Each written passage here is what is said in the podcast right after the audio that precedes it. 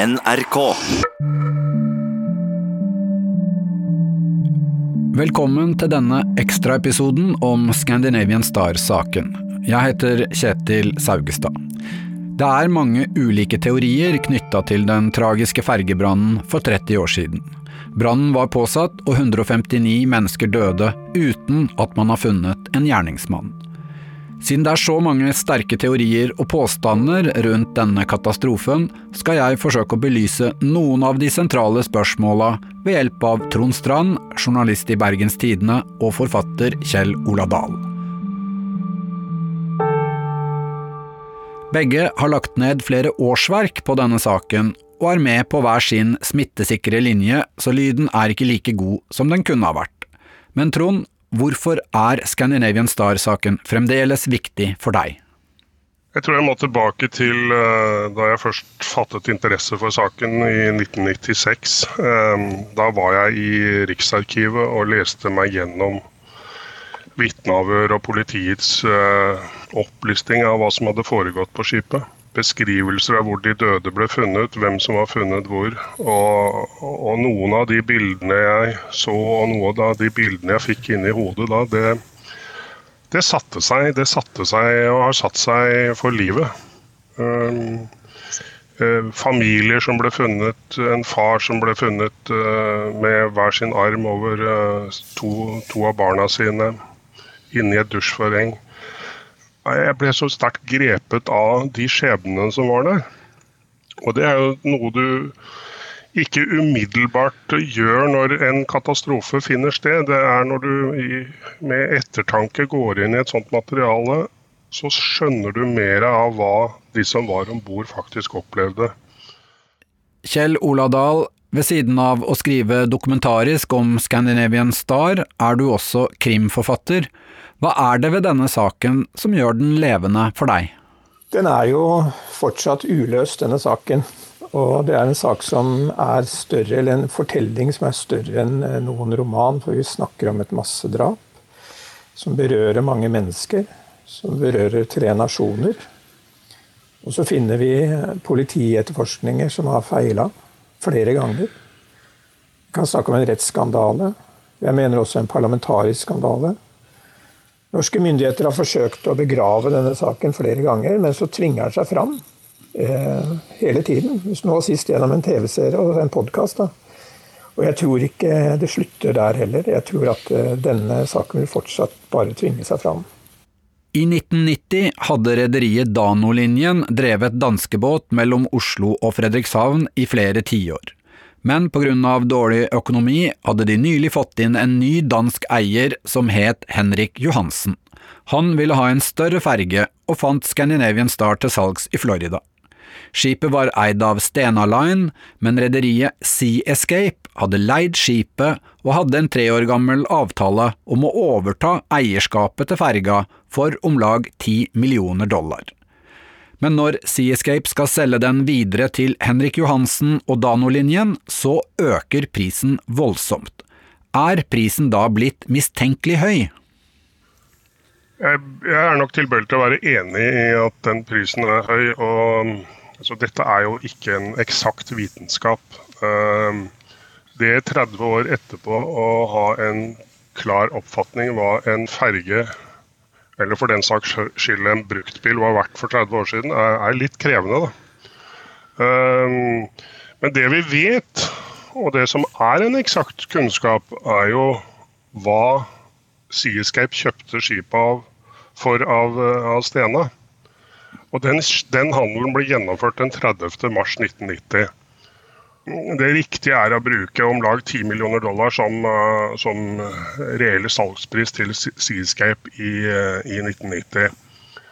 Og så, og så, skjer dette, da, at de har, har, dette med Henrik Johansen i Danmark på trappene også, og, og, skal overføre skipet til Henrik Johansen. og Det skjer da angivelig samme dag.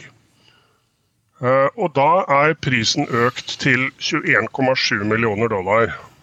Altså på, over, på, på, en, eh, på, en, liten time der så øker prisen fra 10 til 21,7 millioner dollar. Over en fordobling.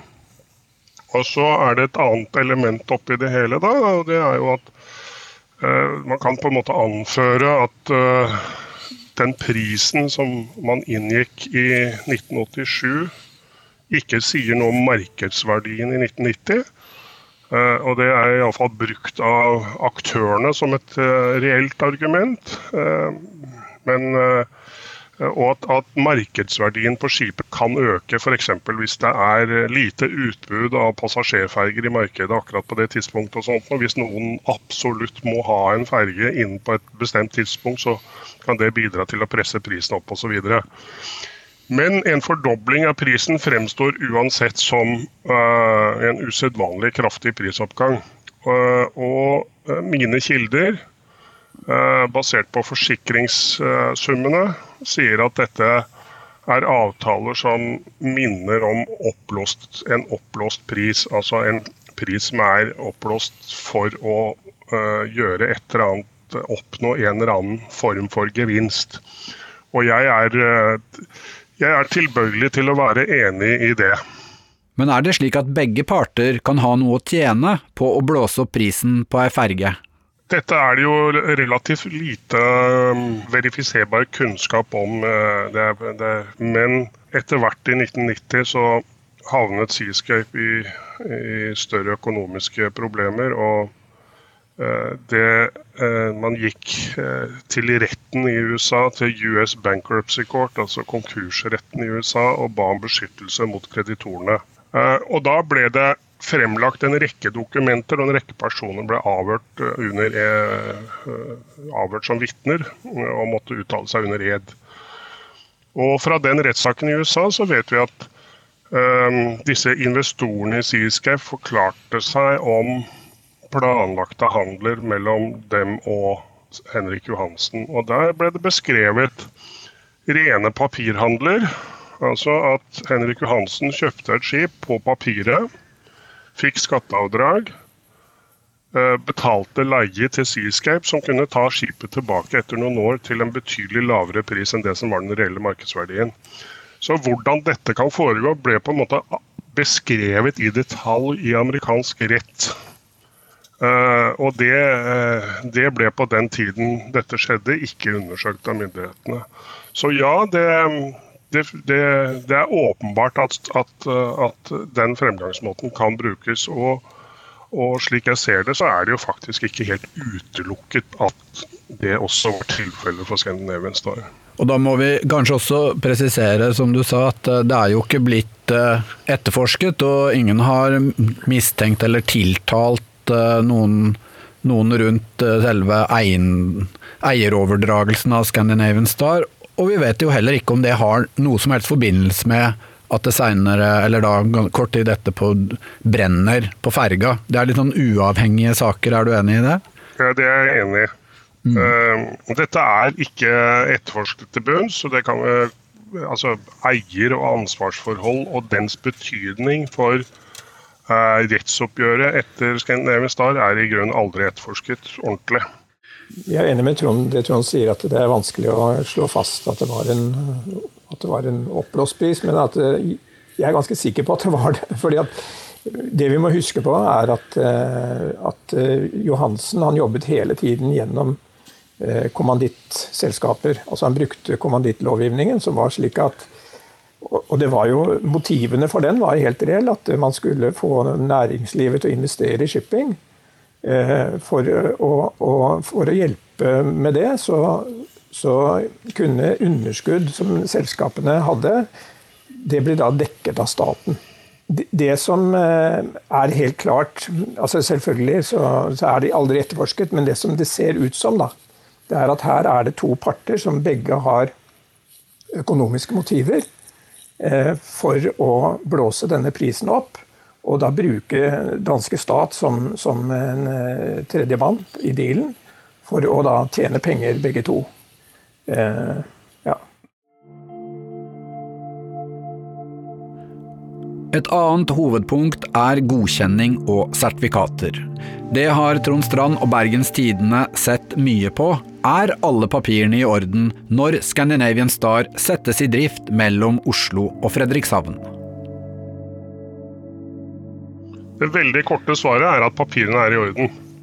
Uh, altså i den forstand at uh, myndighetenes uh, skipssertifikater er i orden.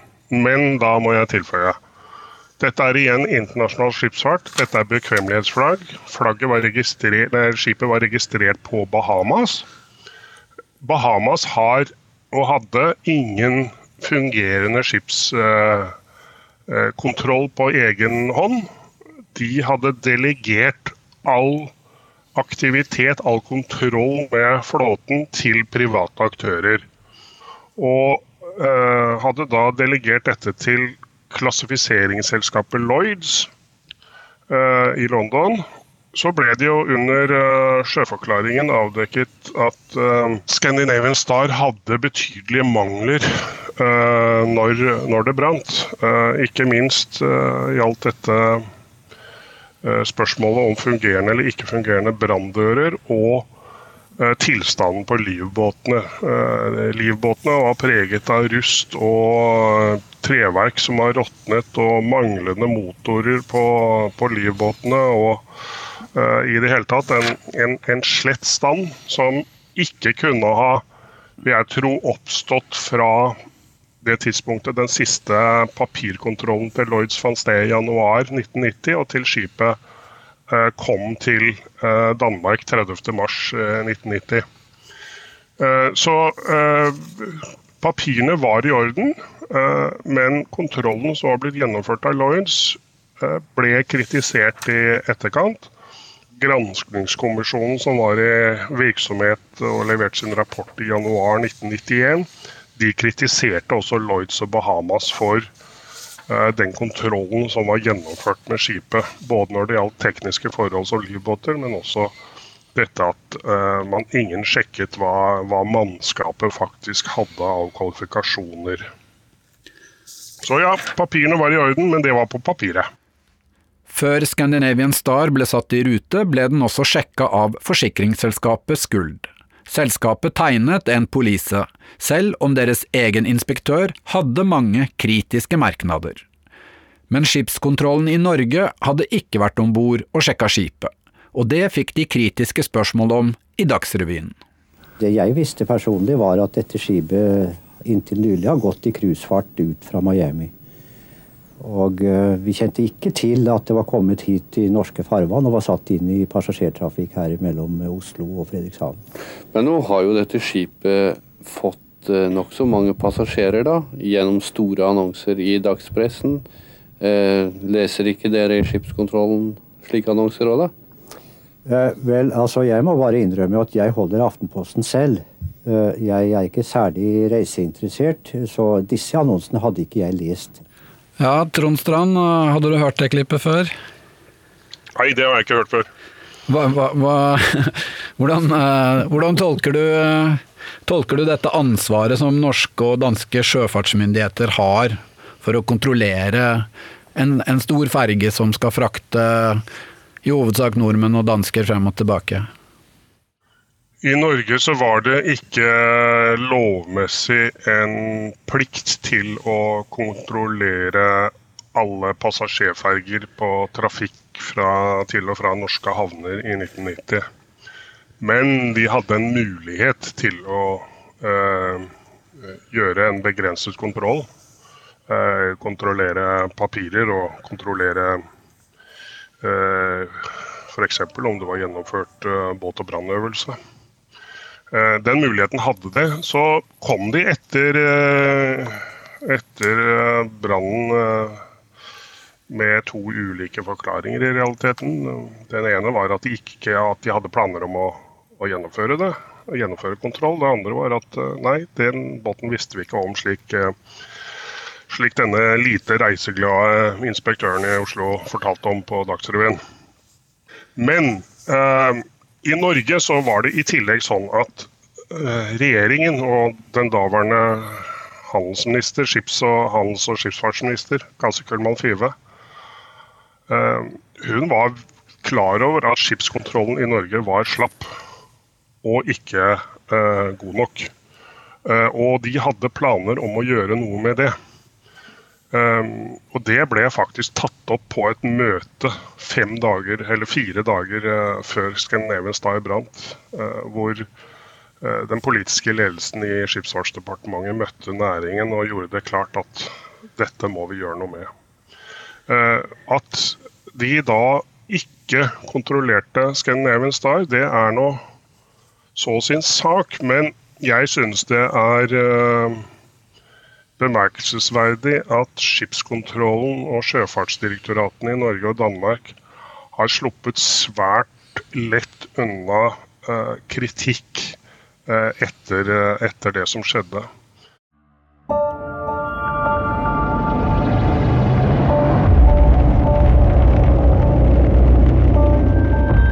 Scandinavian Star kaster loss fra Oslo kvelden 6.4.1990 et par timer forsinka. Om bord er det veldig mye innkjøring av nye rutiner, og skipet er fremdeles under oppussing. Så skjer det noe kvart på to på natta. Kjell Ola Dahl. Det vi vet er at det brenner i noe sengetøy utenfor lugar 416, som er på babord side av skipet, på dekk fire. Det er sånn at båten har ni dekk totalt. Og tre av disse dekkene, altså tre og fire og fem, er det lugarer. Tre og fire er det liksom lugarer på siden av bildekket, men på dekk fem er det hele en sånn sammenhengende eh, lugarseksjon. Og Brannen utenfor 416 blir oppdaget av en passasjer som ligger våken inne på denne lugaren.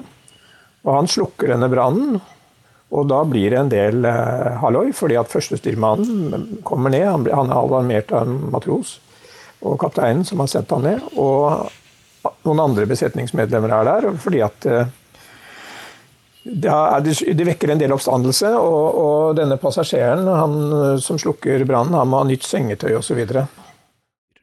Det blir da ikke slått noen stor alarm, og folk blir bedt om å legge seg til å sove igjen. Men så går det et kvarter, 20 minutters tid, før det begynner å brenne på nytt, på andre siden av skipet, i en ubebodd korridor som er under oppussing. Eh, da er det sånn at eh, dødsbrannen eh, starter, og den antennes på dekk tre, på styrbord side av skipet. Altså etasjen under. Like foran et trappeløp. Og det er, ligger mye skrot og sånn i denne korridoren, og noen tenner da i dette skrotet. Og den antenningen tar da fyr i malingen på veggen. Så er det sånn at her er eh, branndører åpne. Slik at eh, disse flammene får da tak oppover i trappeløpet og sprer seg den veien. Og så er det slik at eh, det er en del trekk i korridorene. For det første pga. luftingen. Altså, altså, luft av lugarene er, Da blåses det luft ut gjennom dørene. Og så er denne trekken forsterket fordi at maskinbesetningen har sperra åpen en dør til eh, til eh, bildekket. Og på bildekket er det undertrykk som suger altså luft. Slik at da får denne, disse flammene vill fart gjennom korridorene. Og, og pga. manglende branndører og branndører som står sperra åpne, så, så, brenner det snart i hele, hele passasjerseksjonen. Denne brannen er også åpenbart påsatt. En del branndører blir stående åpne, og sammen med ventilasjonen så skaper det veldig gode forhold for at brannen sprer seg med voldsom kraft. Men spørsmålet er da om det betyr at noen har planlagt dette. Jeg, tror på en måte katastrofehistorikken i, i ulike, med ulike utfall viser at eh, skal en uh, en katastrofe finner sted, så er det eh, et sett av uheldige omstendigheter som må falle sammen i tid. Um, uh, altså perfect storm, så å si. Uh, og um, jeg har i alle fall ikke sett noe som Jeg har ikke funnet noen som helst uh, bevis for at at denne dødsbrannen, eller i og for seg også den første brannen, var påsatt av noen med eh, et på en måte en forretningsmessig motiv, en vilje til å få dette til å, å utvikle seg til, eh, til en om, altomfattende brann på Scandinavian Star. Det har, jeg, det har jeg ikke sett. Men det er jo ingen tvil, tror jeg alle er enige om at disse to første brannene de var påsatt. Og de var påsatt av en, en som gjorde det med vilje. Eh, og hvem det, hvem det var, det, det, det, er jo etterforsket. Eh, men at det er, kan ses i sammenheng med økonomiske motiver og sånn, det, har jeg litt vondt for å tro. Nei, altså Jeg tror vel at uh, hvis man skal ha en, en, en, en, si, fruktbar analyse av brannen på Scandinavian Star, så må man se hele hele brannspekteret, altså alle 38 timene. Man må gå inn i det. For jeg er enig med Trond i at når det gjelder eh, den der eh, påsatte dødsbrannen, som altså slukker av seg selv nærmest etter 15-20 minutter, så er det vanskelig å se økonomiske motiver. Men det som er, det som, er, eh, som trigger mange, da, det er jo at når man går og når det etterforskes, så finner man jo ut ting. Bl.a. dette her med at eh, branndør inntil bildekket var sperret åpen. Det er jo, en, jo gale-Mathias, ikke sant? Fordi, og det er helt forbudt. Eh, så hvorfor, er, hvorfor, står den åpen? De spørsmålene kommer jo der hele tiden. Eh, men jeg er vel enig med Trond at den Vi snakker kanskje med Perfect Storm.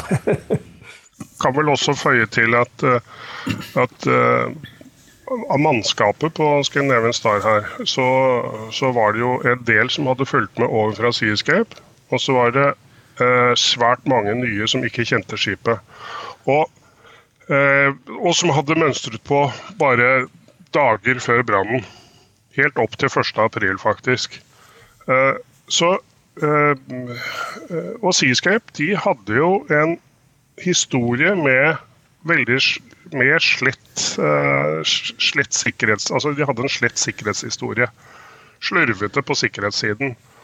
Og Det er jo også mulig å se det i et sånt perspektiv, da, at en åpen branndør til, uh, til uh, bildekk kan ha med å gjøre en, en dårlig sikkerhetskultur om bord, f.eks.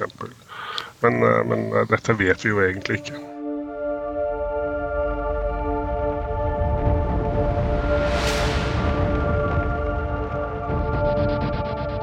Under brannen i korridorene utvikler det seg store mengder røyk og blåsyregass.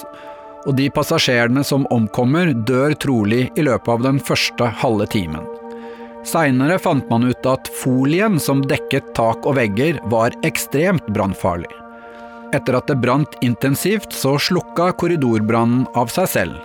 Men da hadde det begynt å brenne høyere opp i båten, den brannen kunne folk se fra den andre danskebåten som snudde og la seg nær havaristen. Altså, Brannen i restauranten den er jo den som er dokumentert med video fra Stena Saga. Og Da ser man jo at det brenner intenst. Med, med sterke, høye flammer eh, rett bak broa i mange timer. Og Det som er problemet da, er jo at eh, hvis man går inn og ser på restauranten, så er det ikke brennbart materiale der som skal eh, holde i live en brann så intens brann så lenge. Og da er det noen som eh, mener at eh, dette kan ligne på en oljebrann. For det er slik at i etasjen over her igjen, så har vi det såkalte nødgeneratorrommet. Og når man ser på bilder av, brand, av skadene, så viser det seg jo at dette nødgeneratorrommet er helt utbrent. Og der var det en, en, tank på 1000 liter med diesel. Så det er noen som mener da at eh, her må det ha vært diesel som har brent i restaurantdelen. Eh, og hvis det er eh, tilfellet, så er jo spørsmålet hvordan kunne det skje? Og de som da hevder dette, mener at da må det ha vært rigget av mennesker. Men det er, det er, igjen ikke ordentlig etterforska, eller det er ingen som har funnet Nei, beviser altså, for at det er tilfellet? Det er overhodet ikke etterforsket av politiet, og det er et problem. fordi at uh, Politiet hevder jo i 2016 at uh, de avviser all dieselspekulasjon med at ingen overlevende har luktet diesel eller parafin. Uh, og de har ikke ikke vært villig til å gå inn og se på peilerapporter for å vise nivåene i oljetanker osv. Så, videre. så det er faktisk problemet med den etterforskningen. Det ulykksalige med granskning og etterforskning i disse første årene var jo at uh, man satte en, en, limit for undersøkelsene, en tidsgrense for undersøkelsene knyttet opp til når kapteinen forlot skipet. Og det var jo da før klokken halv fire om natten. Og man etterforsket og gransket bare forløpet fram til det tidspunktet. Så det som skjedde etterfølgende, det var det jo ingen som undersøkte da, i 1990-91. Og så kommer jo etter hvert, når man ikke gjør en god nok jobb, så kommer jo etter hvert spekulasjonene. Hva kan ha skjedd der, og hva kan ikke ha skjedd. Eh, og så har myndighetene på senere tidspunkter da gjennomført forskjellige studier om, om uh, brannforløp, og, og, funnet at det er teknisk mulig at, uh, at brann, at stålet på skipet, at omgivelsene ble så oppvarmet at uh, materialet i ulike seksjoner selvantente. Norges branntekniske laboratorium Sintef mener at alt som skjer om bord kan forklares. Etter dødsbrannen i korridorene sprer brannene seg naturlig. Slukkearbeidene kommer ikke i gang før etter fire timer, så brannen får satt seg i skipet. Mange steder er det lite oksygen, så brannen ulmer, og det skapes enorm varme i den innvendige konstruksjonen. Derfor kan brannen spre seg også til nye steder og blusse opp når det blir tilgang på luft.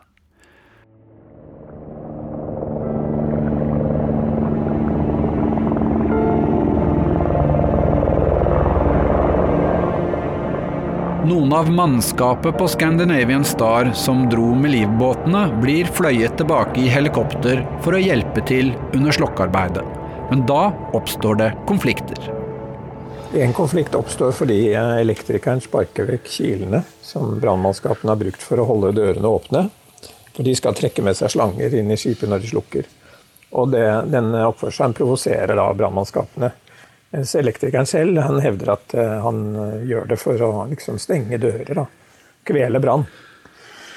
En annen konflikt er eh, det at skipet får slagside. Da skal maskinsjef Steinhauser ha feilinformert brannmannskapene om hva skipet tålte av slagside, og om lensing. Slik at, slik at, han mente da at krevde at brannmannskapene måtte stanse slukkingen hver gang han skulle stabilisere slagsiden, fordi at han skulle bruke en lensepumpe til det. Og så vet man at det var mange pumper om bord, så brannmannskapene kunne bruke og fortsette å slukke selv om han skulle bruke en lensepumpe. Så, så dette gjorde jo brannmannskapene har gjort at de har vært mistenksomme hele tiden mot disse tre. Både elektrikeren og maskinsjefen har benektet at de drev med noen form for sabotasje, og har heller ikke vært tiltalt for dette. I opptakene fra nødsamtalene er det mulig å følge en del av hva som skjer om bord.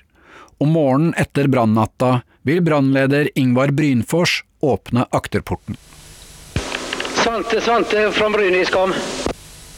Kan du fråga Stena Saga om vi kan öppna portarna akterut? Om det är lämpligt, kom. Du, eh, du kan öppna akterporten men då bör du vara jävligt säker på att du kan stänga den igen vid behov om det skulle blåsa upp eller så. Att hydrauliken verkligen fungerar. Ja, jag har kifen här och han eh, anser så. kan. I Scandinavian Star-saken har et hydraulikkrør blitt veldig sentralt. Hydraulikksystemet brukes for å løfte akterporten og bildekket. Det er et lukka system av rør fulle av olje som er under trykk. Nødsamtalen vi hørte er sånn sett litt viktig, Kjell Ola Dahl.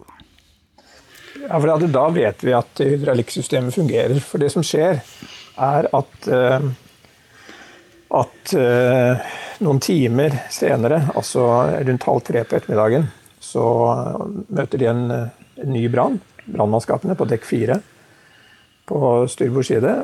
Eh, og der eh, er det in, intens, intens voldsom brann som de slåss mot lenge. Og eh, da de endelig er over, så ser de at det er et brudd i et hydraulikkrør i denne korridoren. Og, og, dette røret det ligger da i en rørgate sammen med andre rør, men det er bare dette røret som er bøyd og som er løsna i skjøten. Og vi vet jo at denne korridoren den var utbrent mange timer tidligere, så det har vært en gåte. da, Hva er det igjen som brenner her? Og eh, Brynfors han noterer seg jo at dette rørbruddet er der, og, og mener at det må ha vært hydraulikkolje som brenner. Men eh, det har jo andre eksperter sagt at det kan det ikke være, for hydraulikkolje har en antenningspunkt som er så høyt. Så da er det en teori at, at igjen at noen har koblet dette rørsystemet til en dieseltank og sprøytet diesel ut. Krangelen handler om når det ble brudd på røret, og hvorfor det er bøyd ut. En teori er at det ble utsatt for enorme temperaturforskjeller under slokkingen, andre mener det er et bevis for sabotasje. Derfor ble dette spesielt etterforska av norsk politi i 2014–16. Sluttkonklusjonen er da at lekkasjen har skjedd etter at brannen er over. Videre at røret ble bøyd ut av bergingsmannskaper flere dager etter brannen, da de skulle reparere hydraulikksystemet. Altså, noe av problemet her er at politiet har ulike, har gått gjennom litt ulike faser når det gjelder dette røret. I 2014, da de først satte ned sin, eh, sin, granske, sin prosjektgruppe som skulle se på grunnlaget for om det var mulig om det skulle etterforskes på nytt, de mente at det ikke hadde vært noe rørbrudd der i det hele tatt. De studerte fotografier og mente at bøyen på røret var helt naturlig. At den, lå, at den var lagt slik på verftet. Eh, da det ble bygd, skipet. Og det er veldig spesielt, fordi at eh, altså hydraulikkeksperter mener at det er Da ville ikke båten fått sertifikater, hvis det var tilfellet. Men så siden da, så innrømmet de at det er rørbrudd, men de hevder da at rørbruddet oppsto mange dager etter at båten var ankommet Lysekil. og Da et bergingsselskap, Røda Bolaget, skulle hente ut bilene fra bildekket. Eh, så, så, det de gjør, da, er at de neglisjerer jo fullstendig det brannmester Brynfors sier. Og de neglisjerer hva danske sjøfartsstyrelsens Flemming Tue Jensen sier, for han observerte også et rørbruddet søndag, da, eh, etter at all brann var slukket. Det er enda en stor brann som har blitt diskutert mye. Den oppstår ved kai i Lysekil. Da har lag av politifolk gjennomsøkt båten og mannskapet er gått i land.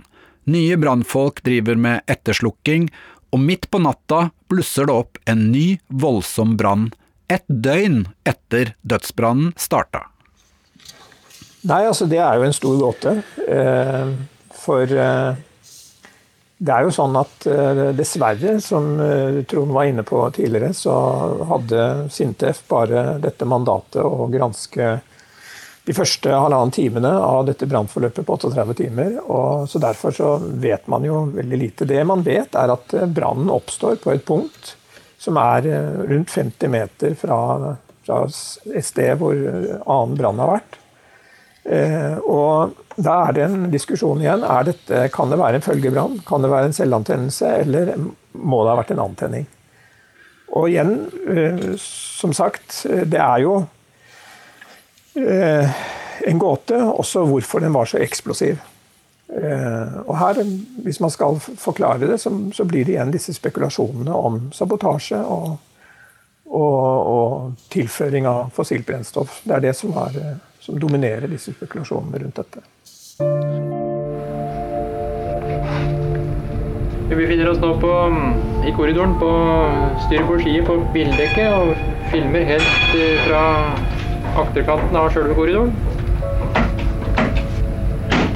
Etter brannen står politiet overfor en enorm sak. Brannåstedet er omfattende, og alle som var om bord er mulige vitner eller mistenkte. Men politietterforskningen kommer til å få veldig mye kritikk. Journalist i Bergens Tidende, Trond Strand. Eh, etterforskningen ble jo delt mellom i prinsippet tre land. Norge fikk brannen og, og brannårsaken. Eh, Danmark fikk eier av ansvarsforhold, rederi og eh, sånn. Og, og svenskene hadde åstedsgranskningen, altså granskningen om bord i skipet i, i timene og dagene etter at brannen var slukket. Og det var jo en ulykksalig fordeling av, av ansvar. Eh, en oppskrift på oppsmuldring av ansvar. Eh, og Når det gjelder etterforskningen, så ble jo den da av eier- og ansvars- og reddforhold så ble den lagt til Fredriksberg politikammer i København. Det er indre by i København. De, eh, de har ingen, hadde ingen form for kompetanse på skipsfart, langt mindre internasjonal skipsfart. Um, og sto her overfor et konglomerat av selskaper i skatteparadiser og USA, og transaksjoner og påstander og advokat og eh, en, en masse mennesker som var mannsoppdekket av de dyreste forretningsadvokater verden kan oppdrive omtrent. Uh, det måtte jo gå galt, og det gikk galt. Uh, altså de, jeg har jo uh, gransket dette og sett de dokumentene som politiet på Fredriksberg eh, sendte fra seg. Altså, de, de, de, ringer en måned etter ulykken så ringer de til en advokat og spør har du kanskje noen dokumenter om, eh, som kan belyse transaksjonene. Nei, det hadde de ikke. Ja, ja, da, men, men, de er i London. Ja, ok, kan vi få det? Ja, de skal du få så snart vi får de tilbake. Eh, og så ga de opp, og de, de, de, de skriver uh, ganske enkelt at vi gir opp å etterforske selskapsstrukturen fordi den er overordentlig uoversiktlig. Altså, og de, valgte da å gå etter eh, de åpenbare lettest å, å ramme eller å, å, få dømt i denne saken. Og det var jo da kapteinen og rederidirektøren og den angivelig reder Henrik Johansen. Oslo politikammer konsentrerer seg om å finne ut hvem som tente på ferga. Bare et par dager etter brannen får de et konkret tips om en dansk pyroman som var om bord. Han er dømt fem ganger for brannstiftelse, tre av gangene har han tent på hus og lagt seg til å sove samme sted. Ja, de, de mener jo da at uh, Erik Mørk Andersen, som han het, uh, at han uh, hadde da i fylla. forsøkt å sjekke noen damer og blitt avvist. Og så hadde han da vært sint, og som for en hevn så skulle han da tenne på. Og hadde han da tent på skipet. Det er eh, deres forklaring. Og de begrunner jo det stort sett i det at han er tidligere dømt. De hevder at han er observert her og der, men det finnes det ikke grunnlag for i politiforklaringen å si. Så det er eh, Dessverre så, så, så, knyttet de seg altfor tett opp mot disse indisiene rundt eh, Erik Mørk Andersen. Det er jo en del sånn, helt sånn sentrale ting. altså Nå har jo Trond Strand nevnt noe, men f.eks. her har du en, en, en skipsbrann hvor det kan bli utbetalt 24 millioner dollar, som er altså en stor økonomisk sak. Så blir det ikke tatt beslag verken i datamateriale eller i datamaskiner eller papir eller noen ting. Og når det gjelder selve drapsetterforskningen, så et, de forutsetter at det er én brann, og at den gjør alle skader. Så det er, det er helt, helt, forferdelig at, at, det, at, det, at, det, kunne gå så feil. Det er dette som driver denne saken videre, som gjør at overlevende og etterlatte spør seg selv hva var det egentlig som skjedde. Og det har ikke politiet klart å svare på, dessverre. Politiet har selv innrømma at det var mye som burde vært bedre. Ikke minst går det seks uker før lugaren til den hovedmistenkte pyromanen blir ordentlig undersøkt. I mellomtiden har mange tråkka rundt der inne, og eiendeler er blitt rydda ut og kasta. Ja, men jeg tror igjen du kan forklares med denne manglende interne, altså en manglende ledelse. Da politiet gikk igjennom saken i 2014-16, så innrømmet de at det ikke finnes egentlige beviser mot den danske mannen. Politiet har eh, sagt at det ikke er bevis nok til å felle han, men de har ennå ikke eh, renvasket han på den måten. De har sagt fremdeles, eh, med en litt sånn kryptisk undertone, at det, det, kan ha vært han fordi det var en, en som tente på. Eh, det syns jeg er svakt. De burde ha, når de har eh, etter så mange år kommet eh, dit hen at det ikke er beviser mot han, så burde de ha renvasket han ordentlig, for å si det sånn.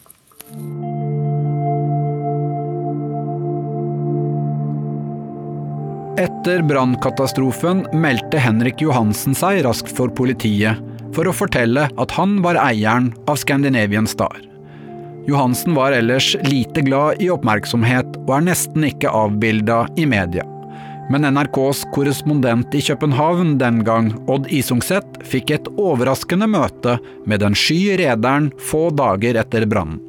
Plutselig tar han imot NRK på sitt kontor under den forutsetnad at ingenting blir tatt opp på lydbånd.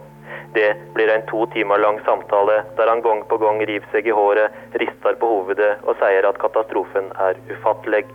Gang på gang henter han fram sertifikatet på båten som viser at alt skulle være i orden og godkjent. Selv om det tidlig var tvil om eierskapet, så mente myndighetene at Dano-linjen hadde overtatt driften av ferga og sto ansvarlig. Reder Henrik Johansen, direktør Ole B. Hansen og kaptein Hugo Larsen blir til slutt dømt for brudd på sjøsikkerheten og får den strengeste straffen tiltalen kunne gi, et halvt års fengsel. Eh, det er jo ingen tvil om, slik jeg ser det, at, eh, at eh, kapteinen Hugo Larsen ble dømt til, til seks måneders hefte for brudd på lov om skipets sikkerhet, som det heter i Danmark.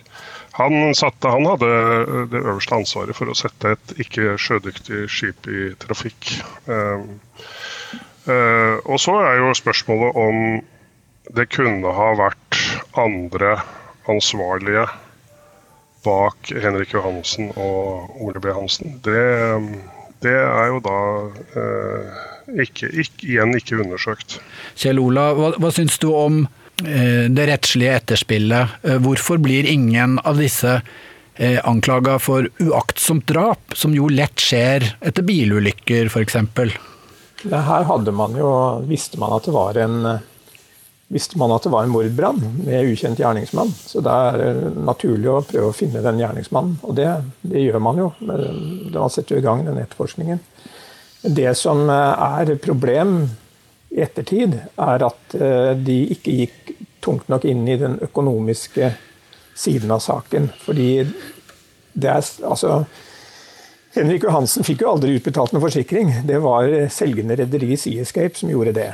Og den gangen så ble alt knyttet til eh, eierskap og forsikring holdt unna offentligheten. Eh, det vi vet, er at Henrik Johansen han påsto at han eide båten lørdag morgen. 7. Eh, april da gikk han til Fredriksberg politikammer og sa det, men han visste jo at han ikke gjorde det. For han hadde ikke fått overført eierskapet i skipsregisteret.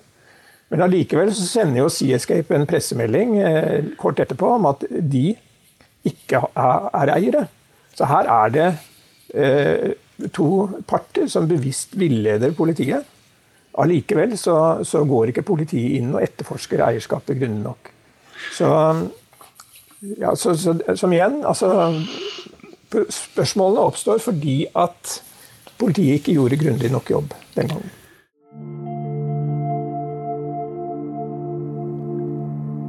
I den siste gjennomgangen fra norsk politi og granskingskommisjon er konklusjonen at det ikke finnes gode økonomiske motiver for en forsikringssvindel. De mener prisen på ferga og hva den ble forsikra for, ikke er urimelig høy.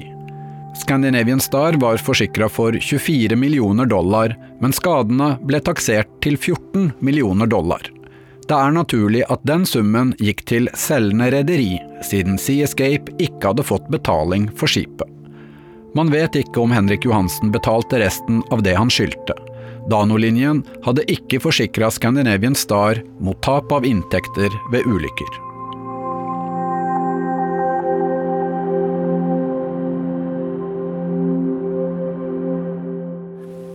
Trond eh, Strand fra Bergens Tidende, har du tro på at det kan komme nye momenter som gjør at vi kan forstå mer av eh, saken nå? Ja, det, jeg har det, fordi når politiet gjorde en ny etterforskning i 2015 og delvis 16, så, så møtte de jo fortsatt et miljø som lider av en verdensomspennende hukommelsestap. Det er svært mange av de helt sentrale aktørene som ikke husker eller ikke vil huske. Uh, og Det er mange dokumenter som, uh, som, mangler, og jeg er enig med Kjell Ola. Uh, det er jo altså det er helt fascinerende at det så langt ikke er ført et eneste bevis for at Henrik Johansen faktisk overførte fem flate øre til Seascape for kjøp av det skipet. Det er ikke vist fram en eneste bankoverføring, et eneste bevis på at jeg faktisk har overført fysiske penger. Og det får jo meg til å tro at her er det mer å hente. Og det er sånn at svært mange av de aller mest sentrale figurene i dette landskapet, de har ikke Noen av dem har til og med ikke villet la seg avhøre av politiet. Så ja, det er mange ubesvarte spørsmål. Jeg tror at, men vi er jo avhengig av at de som vet, begynner å snakke. Vi takker journalist Trond Strand fra Bergens Tidende og forfatter Kjell Ola Dahl, som har skrevet boka 'Scandinavian Star katastrofen og skandalene'. I forbindelse med at det nå er 30 år siden katastrofen, har NRK publisert både podkast, nettartikler og en TV-dokumentarserie. Tidligere reder Henrik Johansen og direktør Ole B. Hansen har fått tilbud om å komme med sine kommentarer. Kaptein Hugo Larsen holder fast på at han ikke gjorde noe kritikkverdig før eller under brannen. Jeg heter Kjetil Saugestad og har laget denne ekstraepisoden til serien Hele historien mordbrannen på Scandinavian Star. Lyddesigner Kjetil Hansen, Line Alsaker produsent, Siril Heierdal er redaktør. Og musikken var laget av Sosius Music. NRK.